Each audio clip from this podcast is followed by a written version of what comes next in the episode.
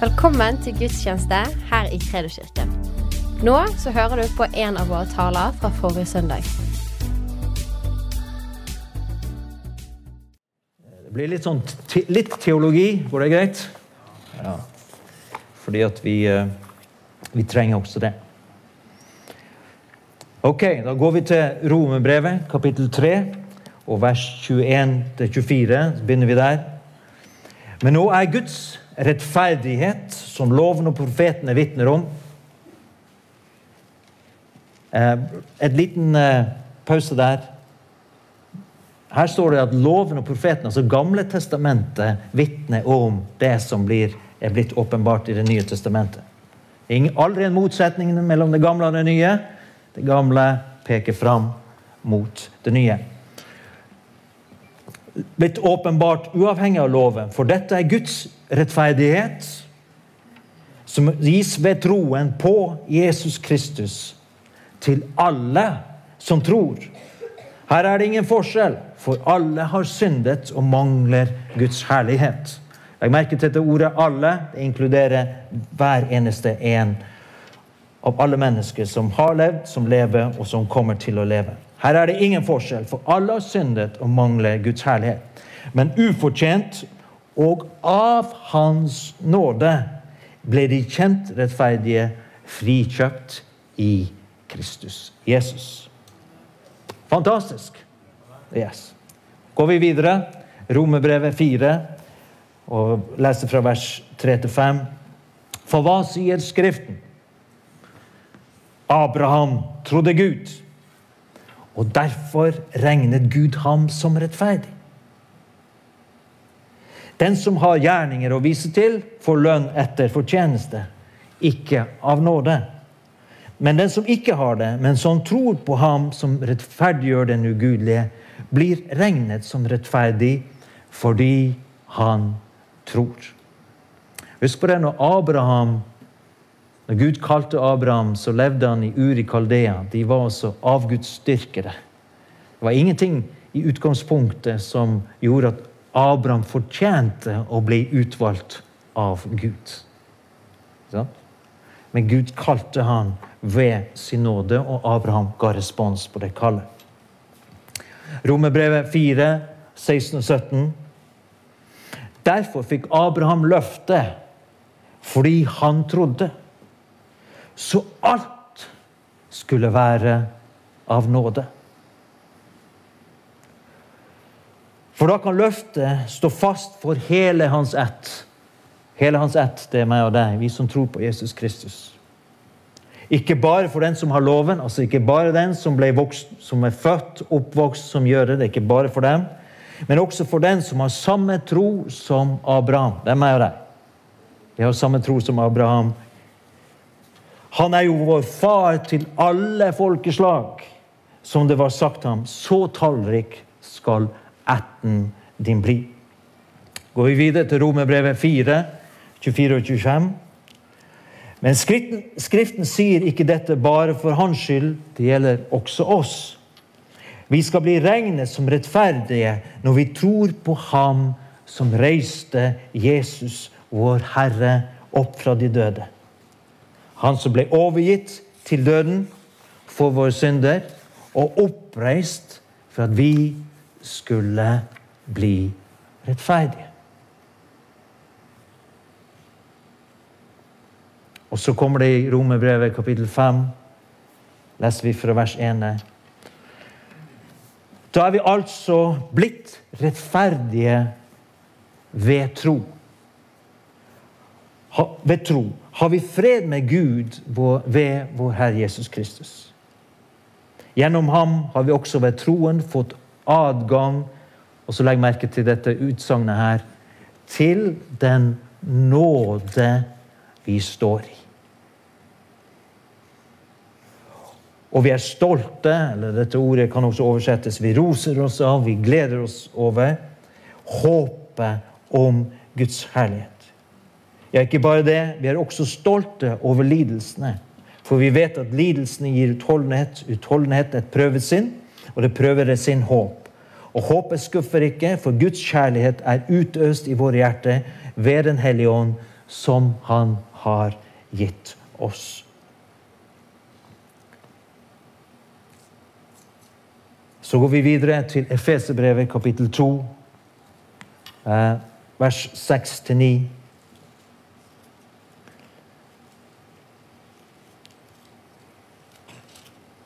I Kristus, Jesus, har han reist oss opp fra døden sammen med ham og satt oss i himmelen med ham. Slik ville han i de kommende tider vise hvor overstrømmende rik hans, han er på nåde. Og hvor god han er mot oss i Kristus Jesus. For av nåde er dere frelst ved tro. Det er ikke deres eget verk, men Guds gave. Det hviler ikke på gjerninger for at ingen skal skryte av seg selv. Og Dette gjentas om og om og om, og om igjen i Bibelen. At det grunnen til at jeg og du er rettferdig for Gud, er på grunn av Guds nåde. Gjennom tro. Det er ingen av oss som har blitt kommet blitt frelst, fått syndene våre tilgitt fordi at vi gjorde oss fortjent til det. Eller fordi at vi klarte på en måte å leve opp til en standard eller et mål. Eller være så og så flinke. Det er ingen av oss som kom den veien inn i Guds rike. Bibelen sier faktisk at det er helt umulig. Hvis du prøver å gå den veien, så kommer du til å snuble og falle. Og gå glipp av Guds nåde. Men den eneste veien til å, stå, til å stå i Guds nåde, det er gjennom at jeg og du tror på det Jesus Kristus har gjort for oss. På korset og gjennom hans, at han sto opp igjen ifra de døde. Amen. Det er ganske deilig å skjønne det og vite det. For da senker skuldrene seg. Vet du, Nåde fra Gud, det er, det er Guds velbehag, det er Guds favør, det er Guds gunst. Det er hele, alt det Gud er og har, har Han gitt til meg og deg i Kristus Jesus. Det er nåde fra Gud bare alene på grunn av at Gud elsker deg. Han elsker meg, han elsker mennesker, han elsker oss for vår egen skyld, for han har skapt oss. Vi tilhører Han er det ypperste skaperverket. Derfor kan jeg og du kalle oss for Guds barn. Når den virkeligheten og den sannheten bare synker ned i hjertet Wow! Dette er den nåden som Bibelen sier at vi står i.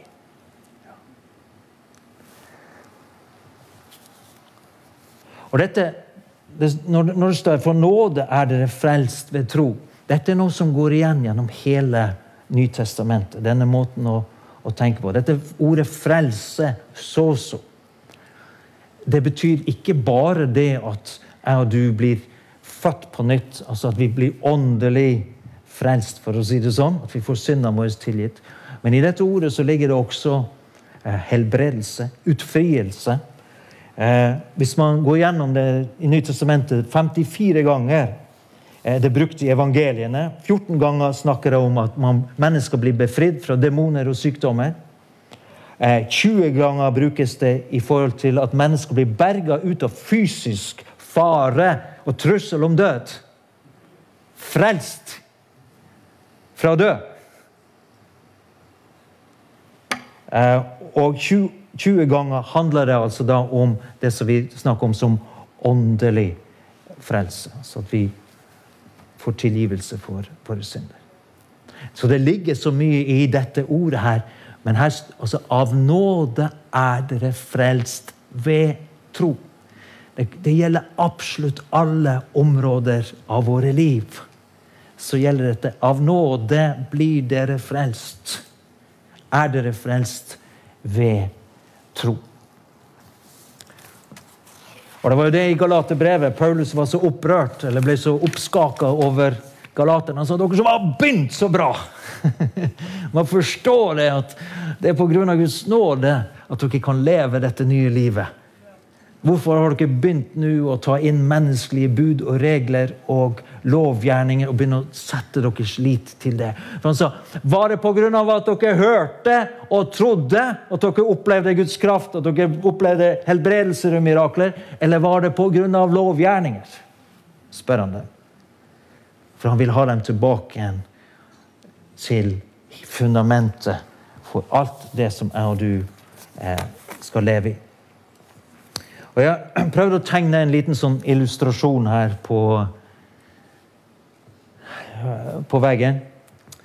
Eh, og det som er korset pluss oppstandelsen, er hele grunnlaget som jeg og du står på. Eh, Paulus sier det i Korinterbrevet at uten oppstandelsen så på en måte har ikke troen vår mening.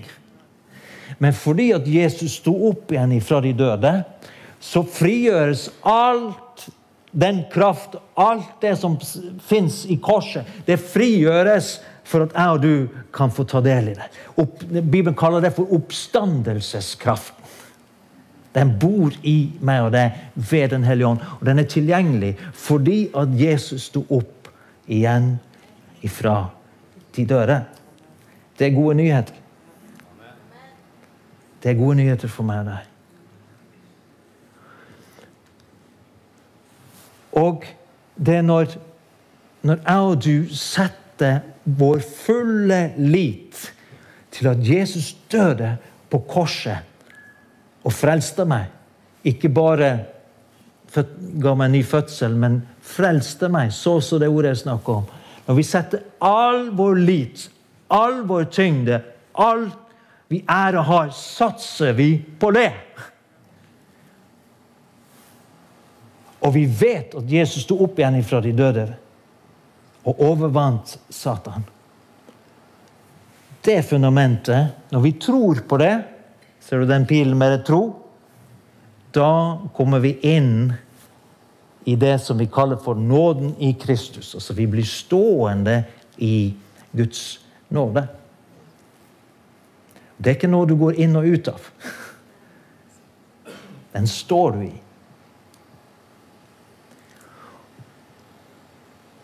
Og ut ifra denne der, at du er i denne omslutta, du er inni dette som Gud har gjort, som vi prøver å lære oss å forstå. Guds nåde, nyskapning i Kristus Jesus. På grunn av at jeg og du er i det så skal vi leve det kristne livet. Og Da må vi også leve det hverdagslivet ut ifra Guds nåde. Ikke ut ifra våre egne anstrengelser og gjerninger. Men helt, helt og fullt satser vi og tror på det Jesus har gjort for oss. Den rettferdige av tro skal han leve. Det, det livet som jeg og du skal leve ut ifra at vi er nye skapninger i Kristus, det er også lever vi i tro. Vi lever det i håp. Vi lever det i kjærlighet. Så da er spørsmålet hva gjorde Jesus på korset for meg og deg? Ikke sant? For mange ganger sier ja, men jeg tror på Jesus døde på korset. Men spørsmålet hva gjorde han for meg og deg på korset? Hva var det han oppnådde? Hva er det vi egentlig tror på? Og Dette er, er viktig med fundamentet og grunnlaget for hvordan jeg og du tror. For mange mennesker, også kristne mennesker, tenker det at ok, jeg ber til Gud som jeg tror er god. Og så håper jeg på en måte at Gud skal svare på mine bønner. At Gud skal gi meg en god gave. Hvis jeg er syk, så håper jeg at Gud skal gi meg en gave og at jeg skal bli frisk. Men jeg er ikke helt sikker. Men jeg håper på det.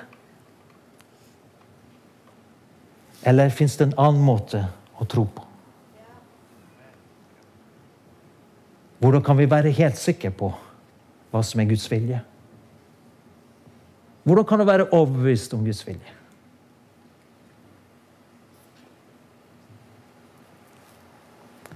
Det trenger jeg du å få forankra i hjertet vårt. Er det Guds vilje å helbrede? Kan vi være helt sikre på det? Hvordan er du helt sikker?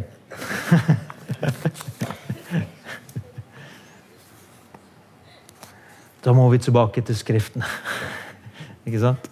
Det, det, ikke, det, er ikke nok at jeg sier det. Eh, vi må Er du forankre troen vår i Bibelen. I første Korinterbrevet, kapittel 5, vers 21 Vi begynner der. Da står det noe helt eh, fantastisk. Det står at han, altså snakker vi om Jesus, som ikke visste av synd, har han, altså Gud vår Far, gjort til synd for oss, for at vi i ham skulle få Guds rettferdighet. Smak på den igjen. Jesus var, levde, levde her, livet her på jorden helt uten å synde. Er vi enige om det? Det sier Bibelen. Men Han står at han ble prøvd i alle ting, sånn som oss, men han synda ikke. Han var et sant menneske. Men han falt aldri i synd. Han brøt aldri loven. Han var aldri ulydig mot sin far. Han ga aldri etter for fristelse. Men han ble prøvd i alle ting, sånn som er det. Han ble, Jesus sitt sinn ble også bombardert med, med tvilstanker. Med alt det som ditt og mitt sinn kan påvirkes av. Også det ble Jesus bombardert med. Men det står at han synda aldri, for han tok aldri og bøyde seg for de tankene som var imot Guds vilje. Men han la de under lydighet. Han tok tankene til fange, som Paulus sier. Og så la han de under lydighet mot Faderen. Akkurat som jeg og du lærer oss til å ta tankene, impulsene som kommer til oss, til fange. Og si det at her om dagen så Bare gi deg et eksempel. Et eksempel. Her om dagen så våkner jeg midt på natta. Og tankene mine Plutselig var det skikkelig kjør på tankene mine, og jeg ble ordentlig bekymra for en, en ting.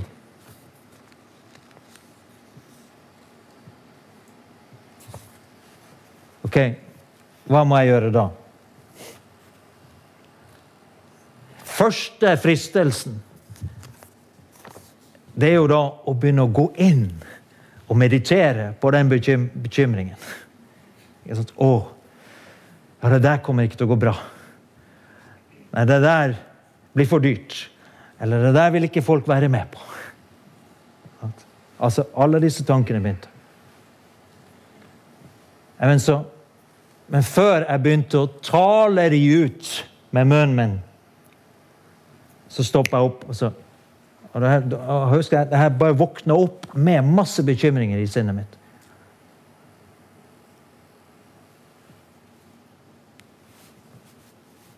Men før jeg begynte å liksom gjøre meg enig ved å tale ut og si ja, nei, det kommer ikke til å gå bra. Nei, det Oi, oi, oi.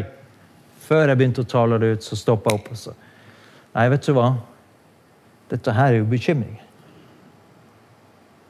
Så Jesu Kristi navn, Far i himmelen, du vet. Og så kunne jeg sette navn på det. Så jeg, men jeg overgir det til deg. Jeg, jeg kaster denne bekymringen på deg. For jeg vet at du tar far i himmelen, du skal hjelpe meg med det. Jeg bare takker deg og priser deg, Herre, for at du er min forsørger.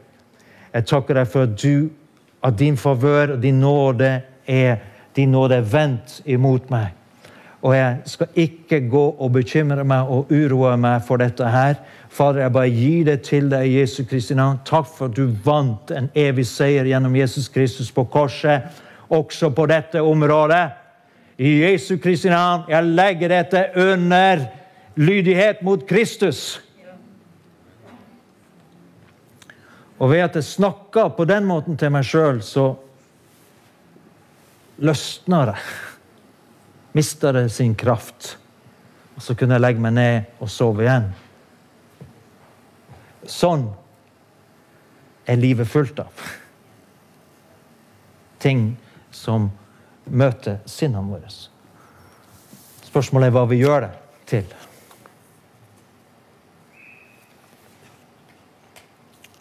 Han som ikke visste av synd, har han gjort til synd for oss. Dette er et sterkt begrep. Gud, altså Jesus, ble til synd for oss. Jeg skal ikke gå i dybden på det, men uh, du skjønner at det er kraftfullt. Han ble til synd for oss han, i stedet for oss. Hvor skjedde det? Det skjedde på korset. Ikke sant? Ok?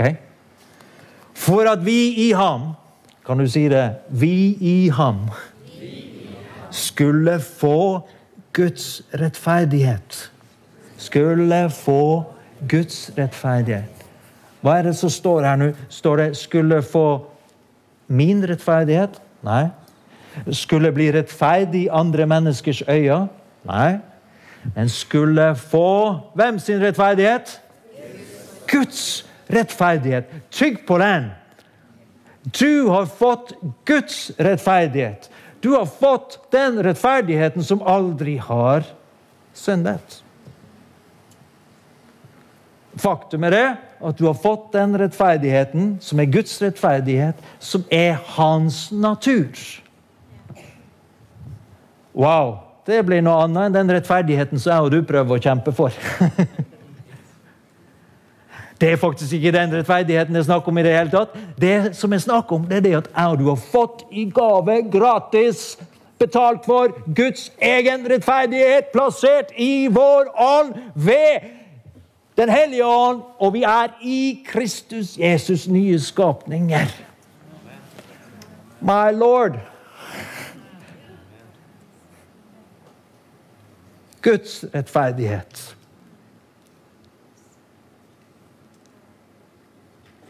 Hvor ble den rettferdigheten vunnet for meg? Den ble vunnet på korset ved at Jesus ble til synd for oss. Og den ble virkeliggjort for oss fordi at Jesus sto opp igjen ifra det døde. Så det, er, så det jeg og du skal gjøre. det Vi skal tro på det og si ja og amen og tusen takk. Dette vil jeg tro på, dette vil jeg leve i, dette vil jeg satse alt på, for dette er sannheten. Da kommer vi ut av eget anstrengelse. Og så hviler troen i Ja, men Jesus vant min, den rettferdigheten jeg har, den vant han på korset. Og den har han gitt til meg. Jeg har fått den. Han kommer ikke til å ta den ifra meg. Det er hans gave til meg for at jeg sa ja og tror. Wow. I, hver gang du trenger fred i livet ditt, når det er uro, hver gang bekymringen kommer, hver gang du trenger å på en måte opplive og fornye gleden i livet ditt, skal du da prøve å få tak i Gud som er der oppe? Eller skal du grave ned i jorda for å prøve å få det opp? Nei, det bor i deg. Guds rettferdighet bor i deg ved den nye skapningen. Du er i Guds nåde, og du går tilbake igjen til hva Jesus kjøpte for deg på korset. Du jager ikke etter annet, etter alt som du skal få deg fremme. Nei, du går tilbake igjen og så sier du, ja, men dette vant Jesus for meg på korset. Så du kropp, du sjel, vær lydig og gled deg i Herren. Du må snakke til deg sjøl.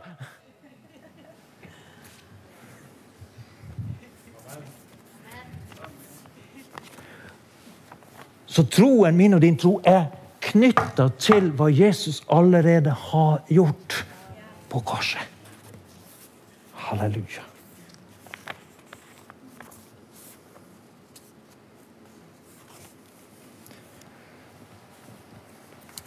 Trenger du trøst? Den får du gjennom Guds rettferdighet. Trenger du hjelp i prøvelse? Den får du gjennom Guds rettferdighet. Halleluja.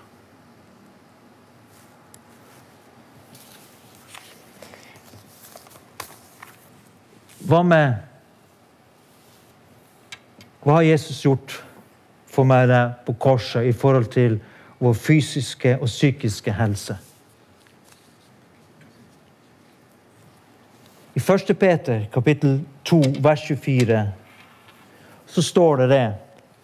På sin egen kropp bar han våre synder opp på tre. Så vi skulle dø bort fra syndene og leve for rettferdigheten. Eller leve i rettferdigheten. Amen. Og så ved hans sår ble dere helbredet. Ok. Dette henviser jo tilbake til Gamle testamentet, til Jesajas 53. Sant? Hvor, det står, hvor vi vet at det er profetisk tale om Jesus sitt offer på korset. Og så er det noen da som stiller spørsmål. Ja, men dette, dette handler jo egentlig bare om åndelig helbredelse. At, da, altså at vi blir for syndene tilgitt. Det er noen som hevder det.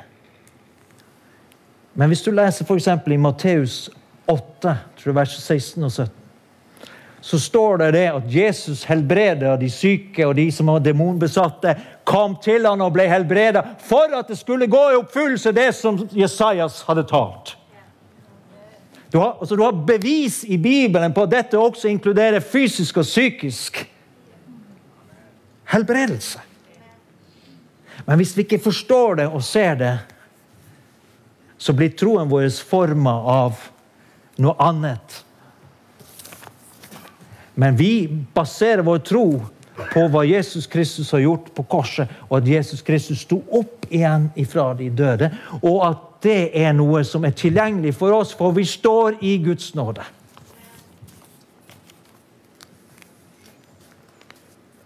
Kan ikke, du kan ikke gjøre deg fortjent til helbredelse.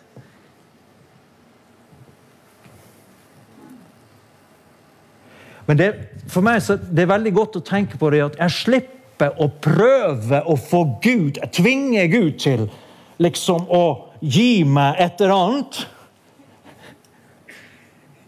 Vi slipper å manipulere Gud til å høre på deg. Bare du roper høyt nok 'Å, Gud!' Så hører han deg, liksom. Gud hører oppriktige skrik fra mennesker. Ikke misforstå meg. Men han vil at vi skal forankre troen vår. Og så sier han, 'Hva har jeg gjort for deg i Kristus Jesus?' Hva har jeg gjort på korset?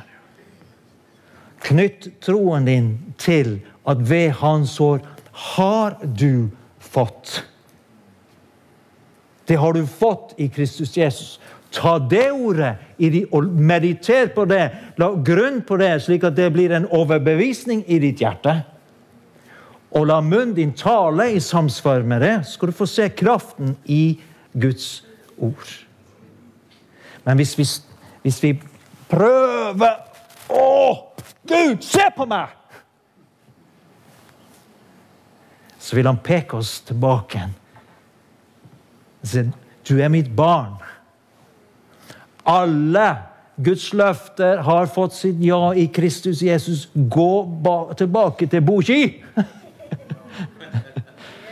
og studer løftene mine.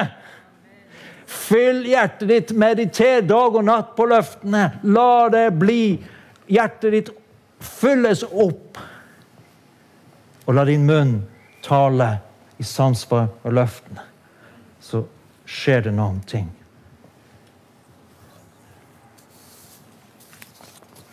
Amen? Det er en måte å tro på. Vi forankrer troen hele tiden i Skriften. Vi forankrer den i korset, oppstandelsen. Yes. For da kastes vi ikke hit og dit av enhver lærdomsvind og alt som måtte komme og gå. Da har vi Vi står fast om bølgene går høye, ankeret er der. Om vinden blåser, ankeret er der.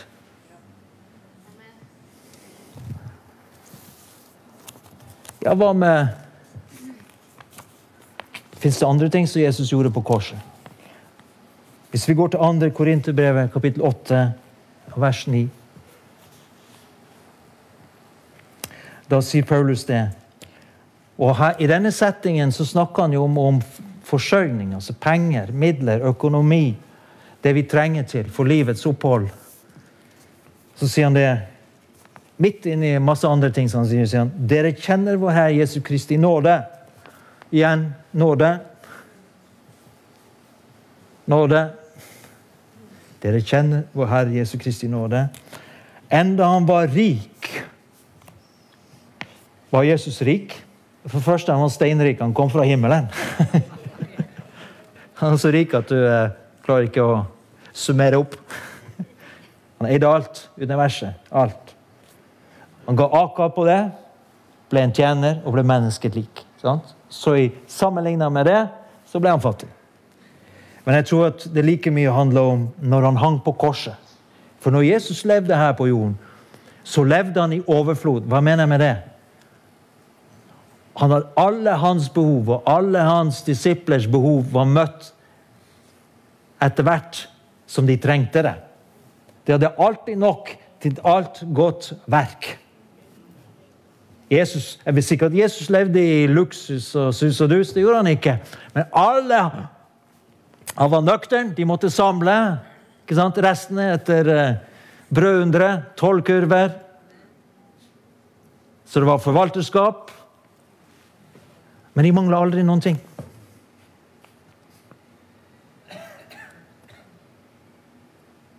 Så Jesus var ikke fattig i livet som menneske. Men på korset så ble han avkledd. Naken. Spotta, hånt, piska, slått. Knust for våre misgjerninger, står det. Straffen lå på ham for at vi skulle ha fred. Og så står det her ble han fattig for deres skyld. Vet du at Jesus ble fattig på korset for din skyld og for min skyld? Så dere skulle bli rike ved hans fattigdom. Når Jesus hang på korset, så brøt han fattigdommens forbannelse. Slik at jeg og du skal frimodig komme til vår Far i himmelen og få hjelp når vi trenger det. Og det er fordi at Jesus gjorde dette. Han brøt denne forbannelsen når han hang på korset. Jeg og du har kommet inn i pakt med den levende Gud. Han er en god far. Han vil møte våre behov etter sin egen rikdom i Kristus Jesus. Og Gud er mektig til å gi dere all sin gave i rikt mål, så vi alt og under alle får har det vi trenger. Jeg har overflod til alt godt verk. Det eneste problemet er hvis jeg og du begynner å bekjenne og snakke oss ned. Nei, men jeg har ingenting, og jeg er så fattig, og jeg mangler alltid, og jeg er alltid tom for penger, og jeg får aldri det jeg trenger. Hvis munnen din begynner å snakke sånn, så frarøves Guds muligheten. For det er sånn makt i våre ord. Og det er sånn makt i hva vi tror, og hva vi bekjenner. Men vi må forankre hjertet vårt i sånne skriftsteder som så det her. Å, Jesus! Yes! Jeg takker deg for at på korset så døde du, og du ble fattig på korset. Og du brøt denne forbannelsen av fattigdom for at jeg skulle ha tro og ha håp og ha forventning til min himmelske Far, og at alle mine behov skal møtes her etter hvert som jeg går fram i livet. Det er en annen måte å tro på enn å prøve å få tak i skjegget på pappa. sånn han, Kanskje han gir oss noen brødsmuler, så vi får betalt regningene. Nei, du ser at Gud har behag i at vi kommer til ham framfor hva kalles det? nådens trone, sier Bibelen. At vi kommer frimodig, kommer som barn av Gud.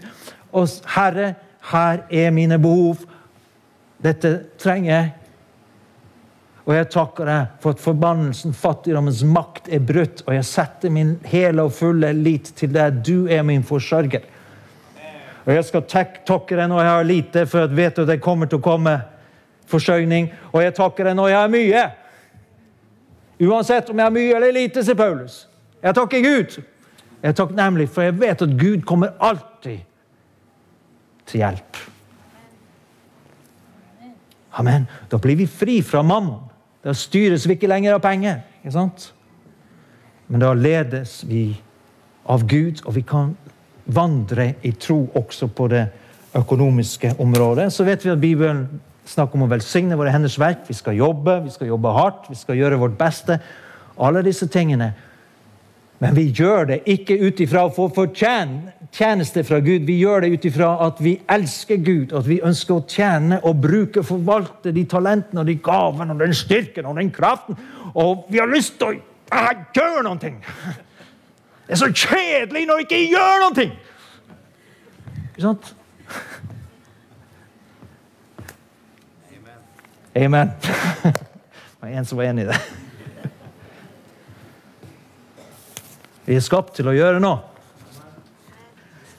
Men la oss gjøre det ut ifra den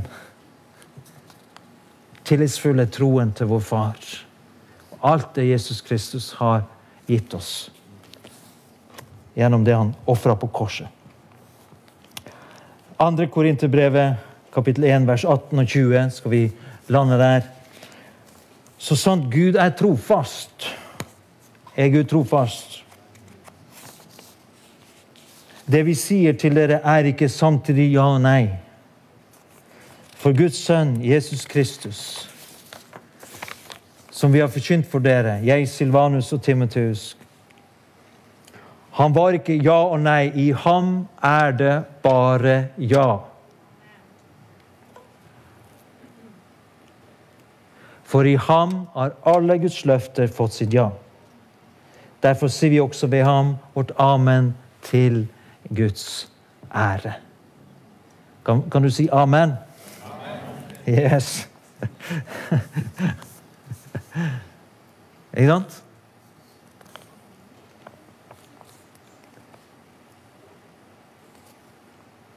Hebreerbrevet 10.23. La oss holde urokkelig fast ved bekjennelsen av håpet. For Han som ga løftet, er trofast. La oss holde fast ved bekjennelsen av håpet. Hva gjør håpet? Håp er når du ser for deg. Som ennå ikke er synlig, men som du ser for deg. Som du har forventning om. Og håpet det har forankra seg i hva Jesus gjorde på korset.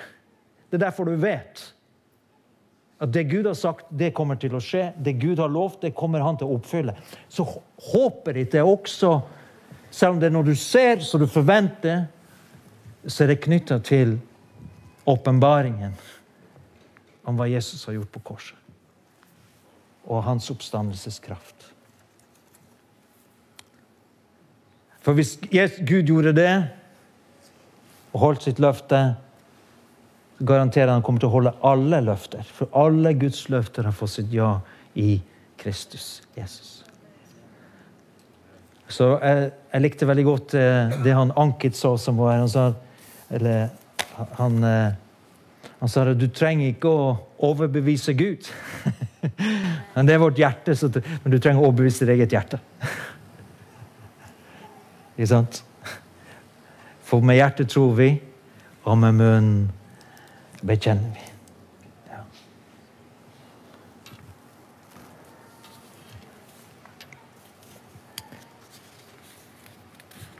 Derfor skal du ikke Jeg hører et utsagn som ja, men jeg får ikke kristenlivet til å fungere. Eller nei, men Poenget er at hvis du legger vekt på deg sjøl, hvis du skal prøve å få det til å fungere, så funker ikke troen. Det blir en snublestein. altså. Men hvis du fokuserer på hva Jesus har gjort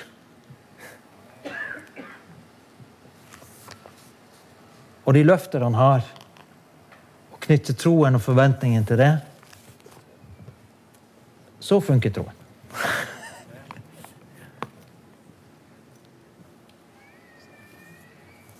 Og troen fungerer på grunn av Guds nåde. Amen. Derfor så forakter ikke jeg og du det Jesus har gjort på korset, men vi bare verdsetter det mer og mer og mer etter hvert som vi forstår hva det faktisk innebærer. Hvilken pris han betalte, og hva han kjøpte oss fri fra. Og hva han kjøpte oss inn i. Derfor så kan vi være djupt forankra i Skriftene, i Jesus sitt verk, sitt nådesverk på korset. Jeg, jeg tror ikke jeg kan få sagt det mange nok ganger. Til dere ungdommer også. Jeg og Fyll hjertet med det. Ikke sikkert alt det jeg sa nå, liksom at du fullt ut forsto det. Det gjør ingenting. Dette er sannheter. Dette er det du skal fylle hjertet og sinnet ditt med. Skal du se at det skjer noe på innsiden. Det som du kanskje var usikker og utrygg på før, det blir sikkert på innsiden fordi at Guds ord får slå rot i mitt og ditt hjerte. Vi tror ikke først og fremst med hodet vårt. Vi trenger hodet vårt til å si amen. Og når jeg og du sier ja amen, så åpnes hjertet opp.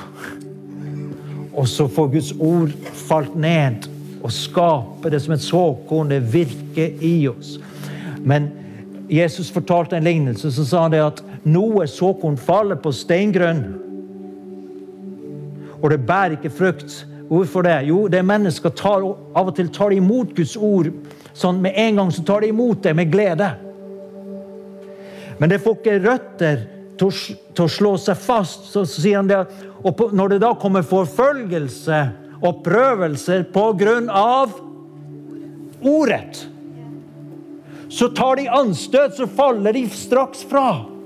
Men jeg og du skal ikke være sånne mennesker. Så når en gang det kommer litt motstand, når du plutselig hører mennesker som slett ikke tror på det du tror på, eller du hører andre kristne som sier nei da, det kan du ikke tro på.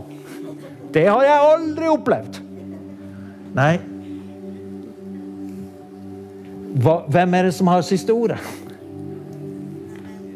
Er det Guds ord, Jesus, eller er det andre menneskers meninger og tanker?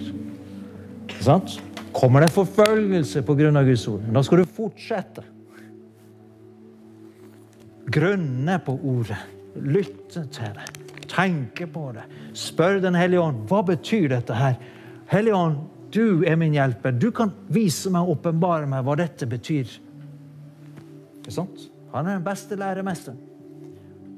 Så det som virker vanskelig eller litt uforklarlig Når Helligånd setter lyset på Skriftene, så blir det så lett. Du bare vet at du vet, og du forstår noe som du ikke ante at de kan forstå. Det virker så teologisk vanskelig. Nei, men det er lett når Den hellige ånd setter lys på det. sånn. Ta imot det sånn som det står. Om, ikke, om hjernen ikke helt henger med bestandig, så bare si ja og amen. Du kobler ikke ut hjernen, det er ikke det jeg sier, men du sier ja og amen. Og så er det hjertets tro og overbevisning som blir styrende i mitt og ditt liv. Vi styres ikke lenger av all slags impulser og all slags innspill som kommer i følelser eller tanker, men vi går fast steg for steg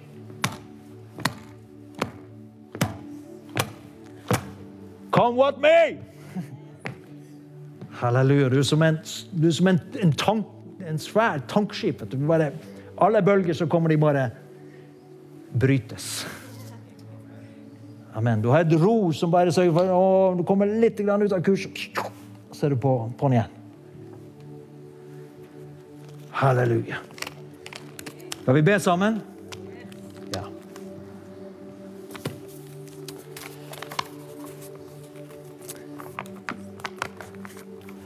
Hellige Ånd, takk for du åpenbarer dette for oss, sånn at vi kan leve i dette her.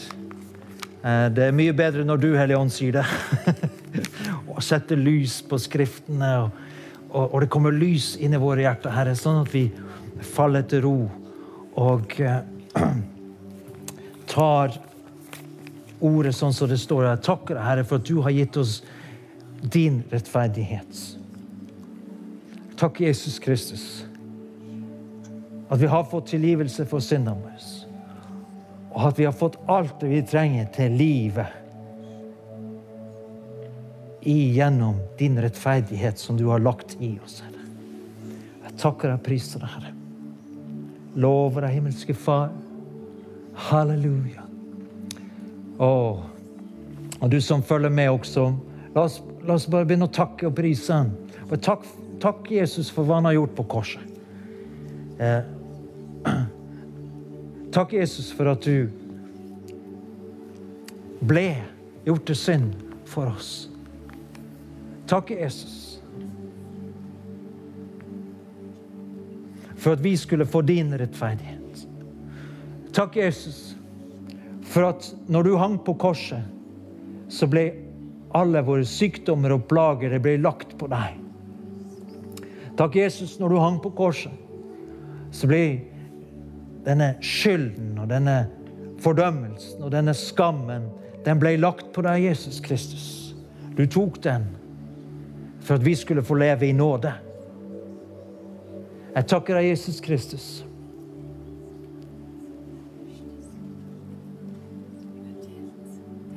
For at du tok all den hån og den spott og den skam som noen kan oppleve. Fordi at vi skal få styrke og nåde og hjelp når vi opplever forfølgelse og motstand. Så får vi kraft ifra deg Da blir stående etter å overvunne alt. Så får vi kraft og nåde ifra deg til å tilgi de som gjør vondt imot oss. Og velsigne de som forbanner oss. Jeg takker deg, Herre Jesus Kristus, for du er, har vist oss på korset. Du sa, 'Far, tilgi dem, for de vet ikke hva de gjør.' Og Herre, det samme vil vi si. Når mennesker gjør oss vondt, far, vi tilgir dem, for de vet ikke hva de gjør. Herre, takk, Jesus, for at du eh, sto opp igjen den tredje dagen. Takk, far, for at du reiste Jesus opp.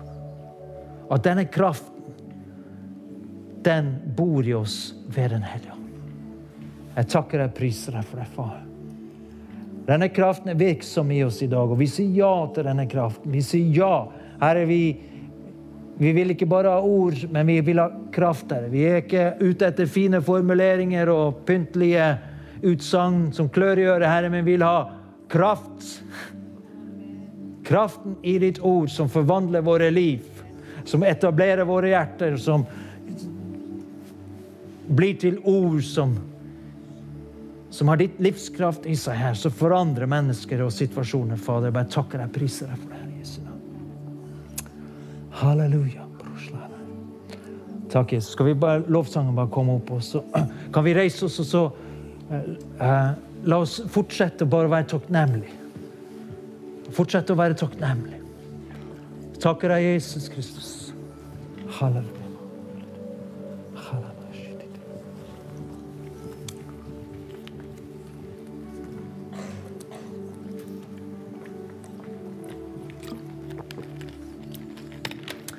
Og du vet, når dette det er at du skjønner at vi er i Guds nåde. Når vi gjør feil, når vi synder, når vi bommer på målet. Fordi at vi har fått denne sannheten så dypt planta i oss, så er vi snar med å omvende oss. Hvis vi ikke forstår dette her, hva er fristelsen da? Da begynner vi å trekke oss bort ifra Gud. For nå har jeg bomma så totalt. Nå har jeg virkelig mislykkes. Og da er det naturlige mennesket trekker seg unna, for vi blir skamfulle. Men den rette reaksjonen når vi, når vi feiler, det er å omvende seg og Takk Gud, tilgi meg, Herre, for at jeg gjorde dette. her. Tilgi meg for at jeg sa dette. her. Tilgi meg for at jeg lot det vanvittige opprøret og sinnet i meg komme ut. Men Herre, da får du rense meg. Da får du tilgi meg. Og takk for at din nåde er meg nok. Og når jeg er svak, så gjør du meg sterk. Så kan jeg være sterk i deg, Herre. Jeg takker deg og priser deg. Og da fortsetter du å ha andre i nåden. Halleluja. For, for det å anklage, anklage seg sjøl, det hjelper ingen. Det hjelper ikke deg, det hjelper ikke Gud, det hjelper bare fienden. Vi er ikke engang våre egne dom dommere. Men Kristus er vårt håp. Halleluja. Takk, Jesus Kristus. Tusen takk for at du lyttet. Følg oss gjerne på Instagram og Facebook, og så snakkes vi neste uke.